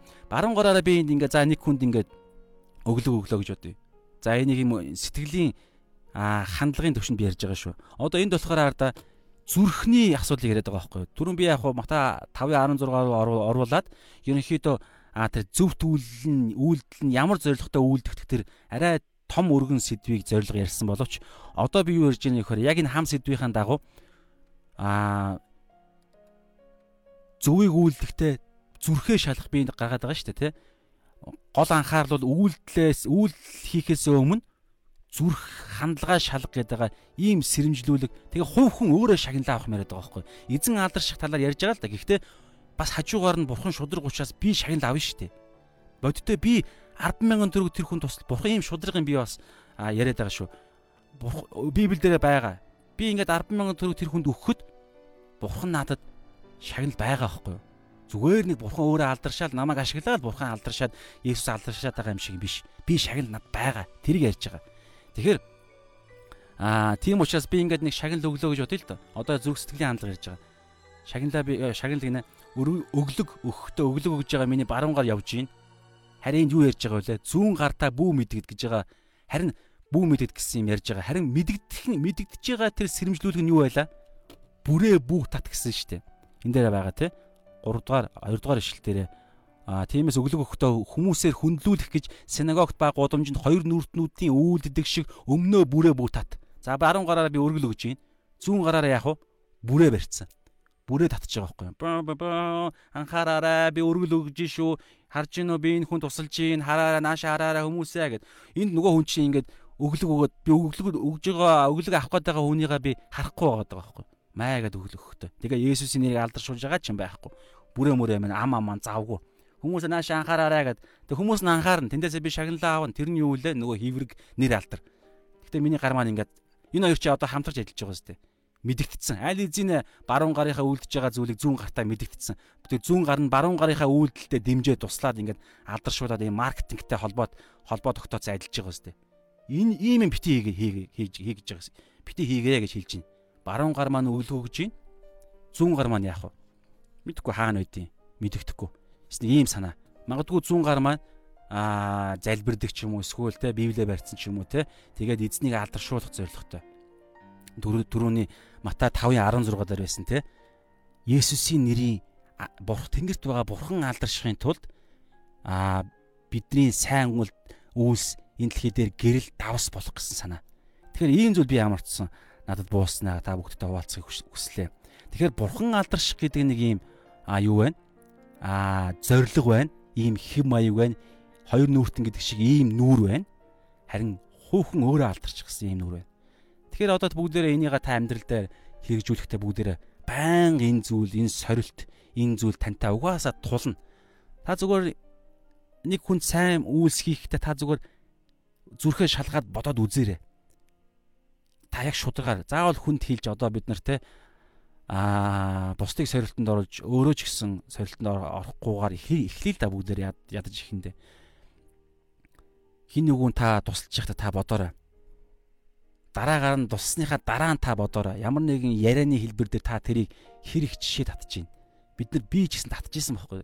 Тэгээ магадгүй гэрчлэл мэрчлэл хийх хүмүүс байна уу гэх үед урд гарахтаа бид нар гэрчлэхдээ та бодоорой. Тэр сайн үлсийг дурдангаа эзнийг алдаршуулах гэж байгаа юм шиг боловч та холилдсон тэр нэг хоёр нүрийг та сайн шалгаарай байдаг шүү. Тийм яриад байгаа. Тэгэхээр тэр шагнал танд ирэхгүй гэдэг наа эзэн. Эзэн танд шагнал өгөхийг хүсэж байгаа учраас л ингэ сэрэмжлүүлж байгаа. Тэгээ түрүүн би ярьсан. Баруун гараа өргөл өргөхдөө зүүн гараа би бүрээ үлээлж энэ хоёр хамтарч ажиллах уу эсвэл 100 гар маань зүрхэндээ байх уу карманда байх уу эсвэл ингээд ардаа байх уу библиэ барьцсан цүнхээ бариа зогсож явах уу гэдгийг хэн удирдах юм толгой удирдна тийм биз дээ. Бид нар энийг шийдэж чадна шүү дээ. Өнөөдөр бид нар үнэн мэдчлээ. Үнэн та нарыг чөлөөлнө гэж хэлсэн. Тэгэхээр зүрхээ бид нар хэн чадах байхгүй юу? Бид нар тийм эрх мэдэл нь итгэгч биднэрт байгаа өгөгдсөн. Яагаад вэ гэхээр ариун сүнс бидний талд байгаа учраас. Ариун сүнсээр амьсгалж байгаа учраас. Тэгэхээр би нэг хэдийн юм харсан. Энэ олон ишл та эдгээр ишлүүдийг бүгдээрээ адилхан санаагаа учраас би зөвхөн нэгийг л уншия. Би зүгээр дурдчихъя. Дараа нөгөө подкаст маягаар тавьдаг учраас. Колосай 1:18 дээр байна. Эфес 5-ын 23 дээр байна. Эфес 3-ын 6 дээр байна. Ром 12-ын 5 дээр байгаа. 1-р Коринт 12-ын 27 дээр байгаа. Тэг хамгийн ихнийхийг нь уншия. Колосай 1:18. Аа, тэрээр бий болох чуулганы тэргүүн Есүсийг хэлж байгаа шүү. Тэрээр бий болох чуулганы тэргүүн толгой гэсэн үг. Тэр бол эхлэл үхгснээс анх төрсөн нь мөн. Энэ нь тэр өөрөө бүх юмсын тэргүүн болохын тулд болоо. Тэгээ ерөнхийдөө ингэ цааш нь саний хэлсэн ишлүүдээр байгаа. Бид нар бол Христийн эргэтнүүд, бие биендээ бас эргэтнүүд. Тэгээ баруун зүүн гар гэдэг шиг ингэж зоригтой бид нар ажиллана. Харин энийг бүрээ татах уу? Баруун гар нь өргөл өргөж яхад зүүн гар нь бүрээ татаж ингэж аа тэгээ ийм зоригтой ажиллах уу гэдгийг толгой удирдна буюу Есүс Христийн удирдлагыг яриад байгаа. Түрүүний ярьсан ариун сүнсээрээ алхах гэсэн санаа. Яг толгоогоор алхах гэж оролдох юм бол бид нэр ихэвчлэн баруун гар маань бүрээ өвлөж тараад байгаа байхгүй юу? Анхаар болж бид нар алдарших гад байна. Бидний зүрх тэгээ одоо бүгдээ харъя. Ирмэ 17-гийн 19-оос 20-ыг харъя бүгдээ биш ээ. Аа 9-оос 10 шүү. Би 19-оос хоригдсан байх юм. Ирмие 17-гийн 9-оос 10-ыг бүгдээр харъя. Энд хүний зүрх ямар итгэмжгүй хорон муу өвчтөө гэдгийг бичсэн байгаа. Иремья 17-гийн 9-оос 10 зүрх гэдэг бүхнээс илүү хуурамч, бүхнээс илүү хуурамч, эдгэршгүй өвчтэй хүний зүрх. Тэгээд хэн үнийг ойлгож чадах вүлээ? Хүмүүс бид нар чадахгүй.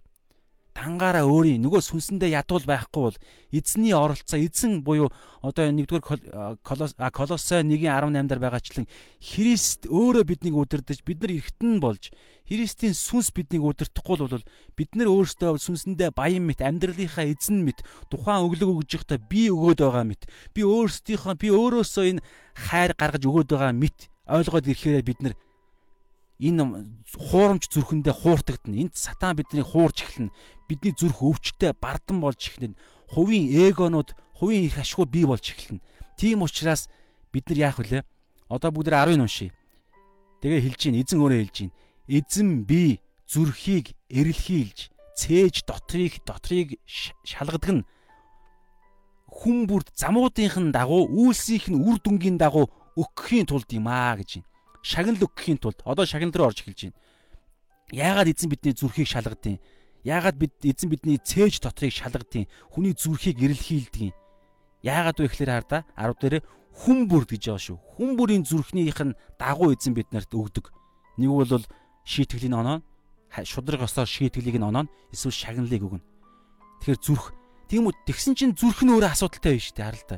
Зүрх гэдэг бүхнээс илүү хуурамч идэгшгүй өвчтэй. Тийм учраас итгэгчид бид нар мундаг тэр мундаг мундаг хүмүүс байханд хамаа байхгүй бидний зүрх ялгаа байхгүй бүгд ийм ялзарсан өвчтэй хуурамч. Тийм учраас одоо бид нар яах вэ? Сүнсэндээ ядуу байцгаая. Ядуу вэ? Би чадахгүй. Мэд мэдэж болно. Мэдлэгийнхэн дагуу бид нар ариун сүнсээ ашиглаж ариун сүнсний тэр ариун сүнсний тэр хүчээр бид нар Есүс Христийн зам үнэн ам болсон Есүс Христийн тэрхүү дүр төрхийн дагуу амьдрах гэсэн тийм л зоригтой бид нар мэдхгүй болвол өөр зорилгоор бид нар мэдэх юм бол бид нар энэ маань баг гай болно. Бардамлыг бий болгоно. Гол фокус маань алдагдаад хоёр нүртэн шиг бид нар а гол шагналаа авч чадахгүй болно гэсэн санаа яриад. Тийм учраас а бид нар эн чин уулан дээрх сургаал чинь ерөөхдөө дандаа бурхны хүчээр ариун сүнсний хүчээр л бид нар чадна. Ариун сүнсээ бид нар хойш нь тавиал эхлэх юм бол тэр цагаас эхлээд шууд бүдрэл бүдрэл рүү орж ирнэ яг би аврал яригт алдагдахгүй гэдэг зүйл зүйл рүү ерөнхийдөө орно. Гэхдээ энд юу яриад байна вэ гэхээр асар нарийн юм ярьж байна те энэ дэлхий дээр бид нар амьдрахтаа ивэл өрөөлөө шагналаа те а тэнгэрийн хааншилд очоод ч гэсэн тэнд ялгаатай амьдралууд байгаа би би итгэдэг эзэн шудраг тэрний дагуу аа мөнхийн хувь тавилан биднэрт хуваарлж өгнө. Тэгэхээр одоо бүгдээрээ дөрөвдүгээр ишлэгийг харъя. Үр дүн. За одоо энд гайхалтай одоо энэ яриад байгаа тэр шагнал тэгээ Христ эзэн алдарших гэдэг байгаа тэр шагнал гэдэг байгаа золиос гаргахад биднэрт эргээд энэ дэлхий дээр за нэр алдрынхаа шагналыг шагнал штэ бас нэр алдрын тэр зүйлээ бид нар авахгүй байна алдчихлаа. Ягаад тэгэхээр бид нар хинт ч мэдэгдээгүй. Өглөг өгөхдөө тухайн хүндээ хүртэл би өгж байгаа биш. Есүсийн нэрээр өгж байна. Есүс намайг өгчээр гэсэн юм аа. Би зүгээр нярваны байгаамаа. Би бол надад би өгмөр баг би өгмөөргүй байсан ч Есүс энэ мөнгөний эзэн юм аа. Тэгэхээр Есүс танд өгөөрэй гэж манай захирал хэллээ. Тэгэхээр би танд ингээд өгж гинэ. Зүгээр аваач даач шуудан шиг ингэж өгж байгаамаа. Тэгэхээр нөгөө хүн чинь аа энэ зүгээр шуудан ч юм байна. Хүний зараалаар явж байгаа юм байна. Гол өгж байгаа нь Есүс юм байна. Есүс надад тайртай байна гэдэг санаа. Тэгэхээр би ч алдаршихгүй болчих жоох байхгүй. А хүмүүс харахад бол хүмүүсүүдийг харагдах зорилгоор биш болчих байгаа юм чи хүмүүсүүдээс ч алдар авахгүй. Магадгүй би хажуугаар нь явахдаа тэ хүмүүс байхгүй болохыг харж ангуудаа магадгүй ингэж өгөөд өгдөг ч юм уу. Эсвэл бол ганцаараа явж байхдаа тэр тусмаа өгөх чадвартай байдаг. А мэдээж найз нөхдөйгөө цулааныхаа хүмүүстээ явж байгаад адилхан өгнө л доо. Гэхдээ тэнд сорилтонд орохгүй гэсэн үг. За ингэ явж байхад биднэрт ингэ тодорхой нэг тийм аа үр дүн шагнал надад нэг юм байхгүй юм онцгүй юм биш тий. Яалчгүй надаас мөнгө гарсан шүү дээ. Тэгээ одоо бүгдээр харъя. Түрүүн хэлсэн. Зүвт үйлдэлээ зүрхэндээ нууц байлгах гэсэн санааг хэлсэн шүү. Зүрх маань өөрөө түрүүн хардаа Иремьядаар юу гэлээ? Зүрх маань өвчтөе. Хорон муу, хуурамч, идэршгүй учраас зүрхэндээ бид нар нуух хэрэгтэй. Зүрхэндх нууц байдлыг ярьж байгаа шүү. За хоёрдугаарт нь зүвт үйлдэл үнэхээр л зөв байх буюу яг байгаа онсон За тэгээ одоо би далдсан байгаа ил, ил гарах чи. Албаар би ингэсэн шүү. Аа. За одоо энийг харъя та. Одоо энд бидний хамгийн гайхалтай өнөөдрийн гайхалтай бидний ивэл ирвэл эрдэнэс энд байна. Бүгдээрээ дөрөвдүгээр ишлэг уншия. Энэ дөрөвдүгээр ишлэлээр байгаа зүйлс дараагийн нөгөө нэг энэ адилхан сэдв доторх хэсэг доторх гурван иш таталтан дээр гурван жишээн дээр гурвуулан дээр нь төгсгөлд нь гарч ирнэ. Тэгэхээр энэ тардаа гайхалтай юм байгаа шүү яагаад энэ сайн зүйлсүүдийг хийгээд байгаа юм? Яагаад ингээд тэгээ Есүс би бол няруу юм аа. Есүс алдарших хэрэгтэй гэдэг хэлсэн юм. Бас бусад харагдахгүйгээр ингэж нууцаар өгж байгаа юм. Өөрийнхөө зүрхэндээ өртөл нуугаад баруун гараа өвчнгүүтээ бүр шууд өгснөө мартаад ингэж яваад мартцсан байх мөртлөө ингээд төрөвчөө үтсэн чинь 5000 төгрөг байдгүй. Хүш хайдсан алга болгоцсон юм уу? За за гэд бараг ийм хэмжээний марталтыг ярьж байгаа шүү. Ийм гайхалтай цэвэр зүрхийг яриад байгаа шүү. Тэгээ энэ бүгд яагаад ингэж байгаа юм? Ямар үр дүнтэй юм ингээд тэгэхээр Хараа энэ энэ нь өглөгч нь нууц байхын тулд. За яагаад нууц байх юм? Яагаад гэвэл нууцсаар оршдог, нууцаар харагч тэнгэрт байдаг эцэг чинь чамд буцааж төлнө гэж байгаа юм. За би энэ дэр буцааж төлнө гэдэг энэ үг дээр би жоо ойлгоогүй байхгүй. Юу гэсэн үг буцааж төлнө гэхээр яг би миний өгсөн мөнгийг буцааж өгөх юм уу? Буцааж гэдэг үг байгаа юм. Дээр нь нэмээд төлнө гэдэг энэ монгол орчуулгын үг байгаа юм. Надад нэг жоохон нэг тийм бизнесийн хэллэг санагдсан байхгүй. Тэгэхээр би англи харлаа. Англи дээр яг King James хэл дээр гайхалтай орчуулга үг байна. Хардаа. Тийм учраас би бас зарим нь Библи судалдаа англиг нь зэрэгцүүлээ явахаар үнэхээр гоё байдаг. За that your charitable deed чинь те одоо энэ бус буйны үйлдэлтэй сайн үйлдэл чинь үүс чинь те нууцаар байгээ гэж юм. Maybe in secret те. Тэгэх юм бол те а нууцаар нууц дотор гэж шүү бахаар да. Нууц нууц дотор хардаг аав чинь өөрөө те чамд reward чинь шагна гэсэн үг. Openly чинь ил тод. Ил тод нээлттэйгээр шагна гэсэн үг. За одоо эндээс гайхалтай ойлгосон зүйл гарч ирж байгааз төлн биш хардаа шагна гэсэн үг байна. Энэ орчуулгыг би хэрэг орчуулсан бол би шагна гэж орчуулмаар байна. Тэгээ буцааж биш ил тод шагна гэсэн орчуулга байгаа байхгүй. Ил тод. Нууцаар хардаа би нууцаар өгсөн шүү дээ. Нууцаар би өгсөн аа тухайн хүмүүст би харагдаагүй нэгдүгээрт хоёрдугаар нөгөө нэгдүгээрт би нөгөө бишрэгчдийг өөрийнхөө нэр алдар малдрыг би бүр мартцсан нэр алдар хамаа байхгүй нэр алдаршуулууд алдарш магадгүй хараад алдаршуулууд энэ надаас биш учраас энэ хамаагүй л дээ.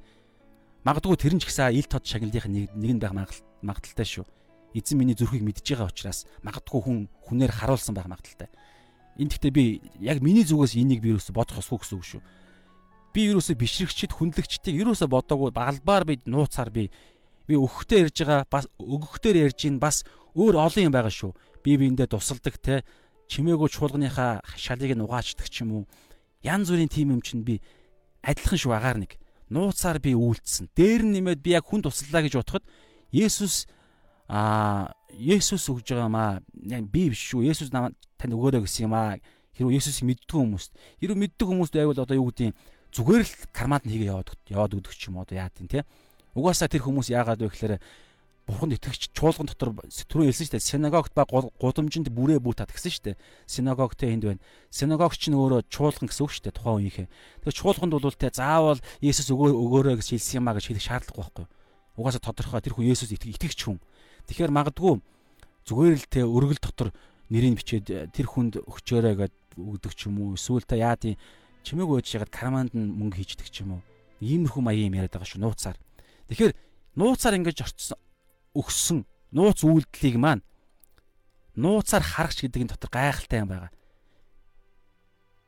Би бурхан бурхан харагддаг уу? Бурхан болсон. Гэхдээ та бурхан байдаг гэдэгт итгэдэг юм үнэхээр. Бурхан миний үйлдэл болгоныг харддаг уу?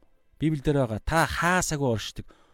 Тэгээд нууцх би ингээд хинч байдаггүй арал дээр очисон ч тэнд та байж л байдаг. Үхсдийн оронд очисон ч тэнд та байж л байдаг гэж Давид хэлсэн дуул байгаа.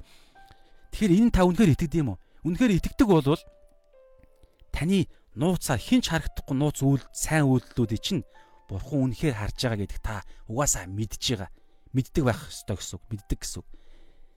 Тэгээд нууцаар нууц үйлдэл чи эзэн харчлаа. Тэгээ эзэн яаж өгөх вэ? Нууцаар өгөх үү гэхээр үгүй байгаа байхгүй.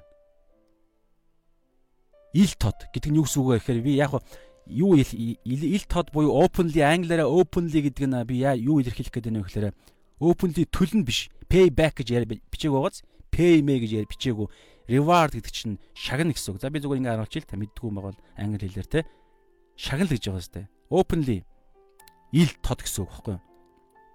Тэгэхээр ил тод илээр шагнана гэсэн гэдэг чи юу гэсэн үг хэрэг яг энэ амьдрал дээрээ яг бодтойгоор эзэн танд шагналуудыг чинь өгнө гэсэн үг. Юу ээж болох вэ мэдэхгүй.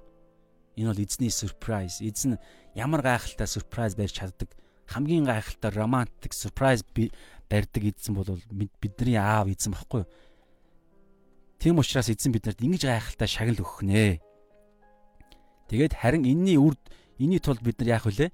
Зөвхт үйлдэлээ үйлдэл үйлдэн харин хин нэгэнд харагдахын тулд биш тэр хүний хайрлсан сэтгэлээр дээр нь нэмээд энэ хайрлсан сэтгэл чинь надаас гараагүй. Би бол бузар муу түр Иремья 17-гийн 9-оос 10 дээр байсанчлан өвчтэй бузар муу тэ хуурамч зүрхтэй хүн чинь яаж тэр хүнийг би хайрлах юм бэ? Худлаа штэ.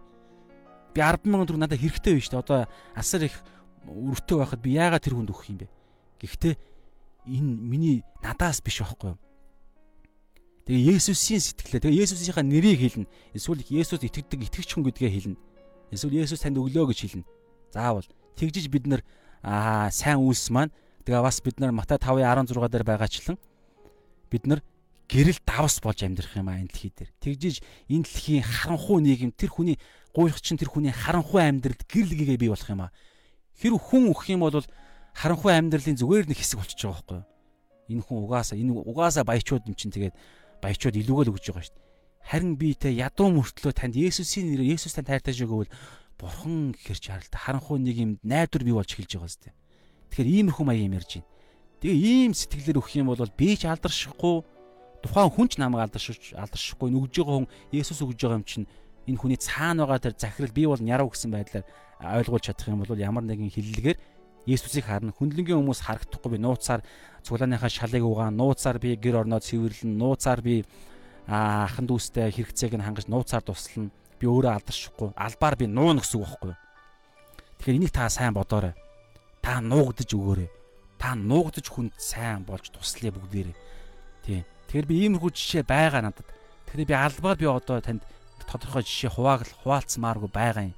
Яагаад гэж энэ бас чухал би уг нь яг энэ адилхан жишээ одоо иймэрхүү юм болохоор миний амьдралд ийм байгаа байгаа байгаа нүггүй юу гэж би бодоод нэг жишээ болгож уг нь хуваалцъя гэж бодсон юм. Гэтэл дотор яг эннийхээ би хэрэгжүүлэлт буюу тухайн үйлдэл ч гэсэн би яг хинч харагдаагүй үйлдэлүүд би хийсэн үйлдэлүүд миний амьдрал таны амьдралд ч байгаа л да. Тэгэхээр надад байсан байхгүй юу. Тэгэхээр би тэрийг жишээ болгоод хуваалцчих тийм үү гиснэ. Яасан гэж би энэ шагналаа авмаар байна шүү дээ. Би энэ шагналаа авмаар байна. Би Одоо би жишээ нь би нэг тохиол би энэ жишээнд нэг юм жишээ байд юм а би ингэж тэгсэн юм а ингэж туссан юм а гэж танд ярьчвал та намайг магтах гээд байгааз. Та танд би гоё харагдах гээд байгааз тий. Тэгэхээр чи надад шагнална би авчлаа гэсэн үг байхгүй юу? Би өөрийгөө алдаршуулчлаа гэсэн үг. Би бол ингэж ойлгоод байгаа юм. Иймэрхүү маягийн яриад байгаа шүү. Би хэл танд хэлчих юм бол та намайг магтаад эхлэн. Би одоо ч гэсэн ингэ цаагаараа бас хэлчихлээ л дээ. Гэхдээ би яг хоо ингэ жолоос гаргаж энэ шагналаа алдуул алдъя яа энэ удаа. Гол нь иймэрхүү юм яриад байгаа шүү. Албаар нуугаараа та бодтой шагнал орж ирнэ. Яаж хизээ мэдэхгүй. Магадгүй би яг үсчих үед эзэн хин нэгнээр амьдрал зүгээр мөнгө өгдөг ч юм уу. Эсвэл би өвчтөө үед эзэн намайг эдгэх юм уу. Эзний surprise чинь энэ гайхалтай шүү дээ. Тэгээд ил тод гэдэг. Яг энэ амьдрал дээр бодтой. Гайхалтай. Тэгээд бүгд хамтдаа ерөөхдөө залбирая.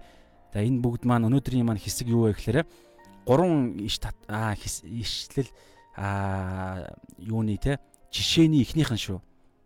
Буюу хүнлэн чиглэлд сэтгэлийн бие биендээ сэтгэлийн өглөх, сэтгэлийн тусламж яг сэтгэлээрээ бид нар те цуглаана гэсэн сэтгэлтэй ахан дүүсээ гэсэн сэтгэлийн гуйлахчин үнд гэсэн сэтгэлээр бид нар өглөг юм уу сайн үйл юм уу эсвэл хэрэгцээтэй тэр үүдэн цаг заваараа тусалд юм уу хөдөлмөрөөрөө тусалд юм уу те яа тийм тийм их хүнлэн чиглэлийн сайн үйлийг хийхдээ өөртөө алдар биш.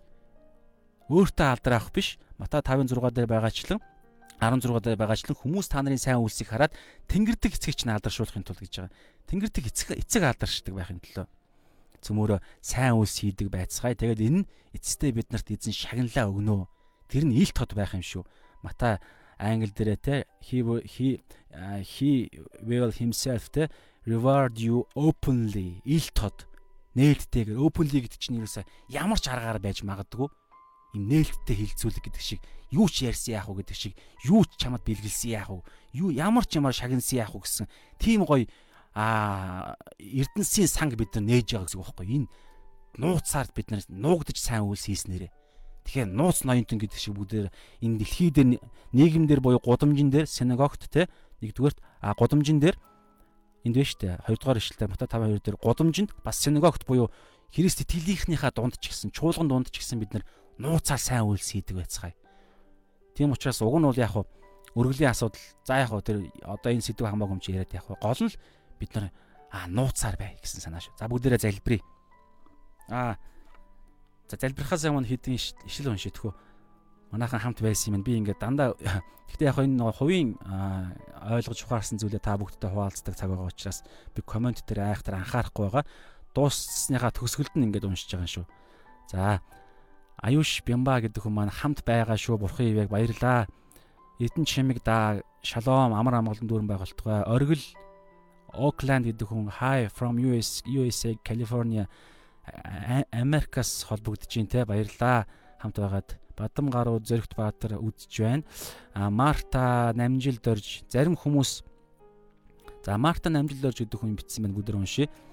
Зарим хүмүүс тэр 90 гарсан хөгшний яриаг өөрчилж битсэн байгаа байгаль ихийн агаарч гих шиг байгаль ихийг бурхан бүтээсэн тухайн тухайн өндөр настан бурханд талархаж бас гимшсэн гимшсэн уйлсан бид бурханы өмнө хинч биш өчүүхэн гэдгийг коронавиг харуулж байна да. Яг үнэ.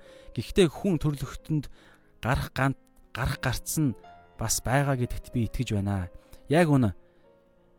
Тийм үл итгэгч нар бол ерөөхдөө яг энэ л байхгүй да. Үл одоо хараа хэрүү уг нь бол хараа ингэж одоо яг энэ энэ бидний өнөөдөр ярьж байгаа энэ сайн үлс хөндлөн чиглэлийн сайн үлсэнд аа үлсийг хэрүү хамааруулж яг хэрэгжүүлж тухайн өвөө маань нэгдүгээрт хэрүү яг энэ бодиттой түүхтэй бодиттой хүн ингэж өөрөө ямар нэгэн байдлаар илэрхийлж ингэж эзнийг гэрчилсэн юм хүн өөрөө байсан бол нэгдүгээр хоёрдугаарт хөндлөнгөөс зүгээр энийг хараад тухайн эмчин ч юм уу сөвлөгч ч юм уу энийг ингэж нийгэм цацсан болвол магадгүй сүлэгч нь итгэж биш л байх л та. Хэрвээ итгэж хүн байгаад өнөөдрийн а энэ зөв хандлагаар зөвөр сайн үйл зөвхт үйлдэлийг хийхийг мэддэг хүн байлаа.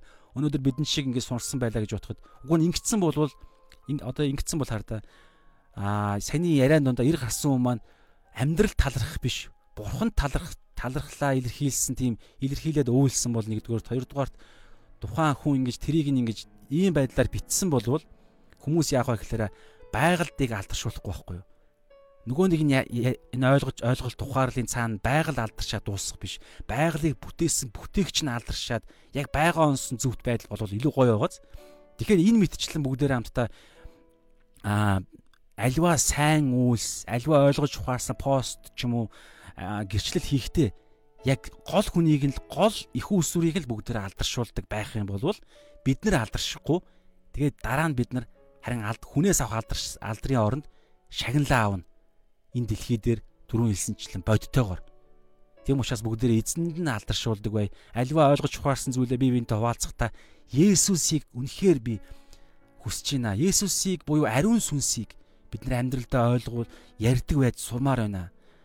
Гэтэл яг үнэндээ заримдаа ингээ итгэлийн нөхрөл мөхрөл болж ихад ариун сүнсийг ингэж оролцуулж ярих үед а сонсогч нараас нэгдүгээр хоёрдугаарт би өөрөө хүртэл ярьж байхдаа тэгж сонсож байгаа хүнээс анзаарахтаа би нэг юм шашинлаг юм яриад байгаа юм шиг би ярьж үйлбэрээ хэлж байхдаа миний зүрхэнд тийм мэдрэгддэг шүү дээ. Тэгэхээр ариун сүнсэнд нь алдрыг өгдөг бай. Есүст нь алдрыг өгдөг бай.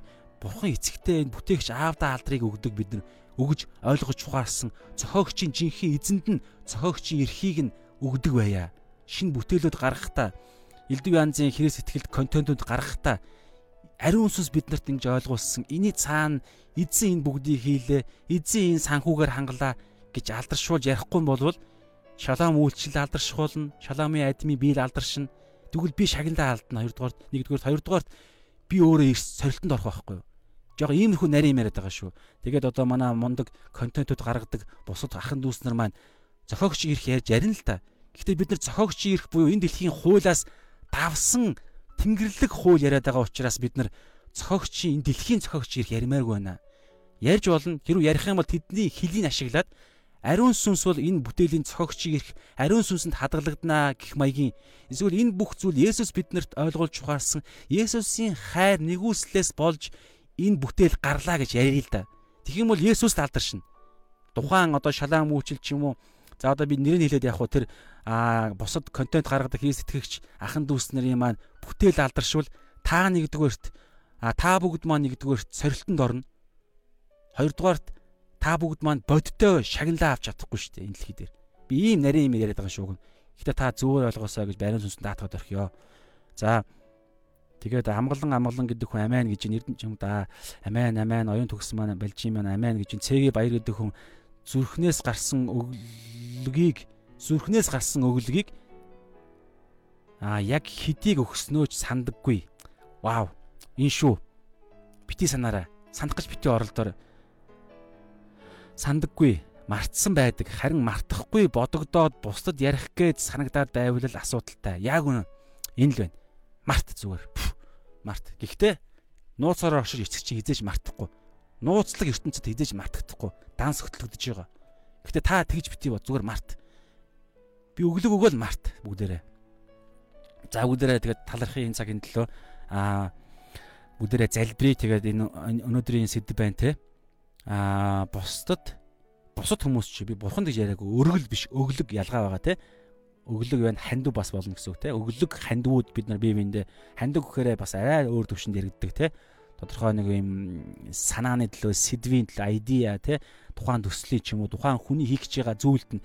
Харин өглөг гэхээр тухайн хуу хүний хэрэгцээ тухайн хүний дорой байдал хэцүү тэр ядуу байдалд нь те тусламж хэрэгцээнд нь зориулж өгдөг гэсэн санаа аа байна. Гэхдээ заавал итгэж байгаа албагүй ядуу гуйлах юм байж болно. Тэгэхээр бусад бүгдээрээ өглөг өгөхдөө аа зүрхний төвшөнд яриад байгаа шүү.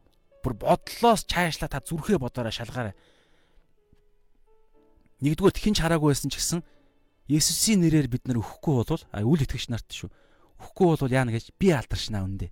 Тэгээд бид нар давс болж чадахгүй. Тэгэхээр бидний дуудлага сайн мэдээний дуудлага та Иесусээс ичдэггүй гэдэг асуудал орж ирнэ. Иесусийн нэрнээс та ичдэггүй. Тэ? Та бас таны итгэл хэр шашинлаг байна. Хэр superstitious те аа мухар сүсэг тал руугаа байна. Шашинлаг байна гэдэг зүйлсүүд зүйлсүүдт нь ч гэсэн энэ нэг юм үйлдэлээс чинь шалгагдах гарч ирэх үрн гарч ирэх магадaltaй. Тэр өргөсүүд харагдах магадaltaй.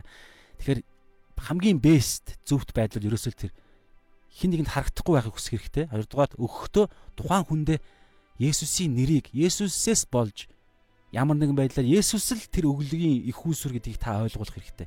Ямар нэгэн байдлаар. За бүр үнэхээр чадахгүй байгаа бол одоо яах вэ?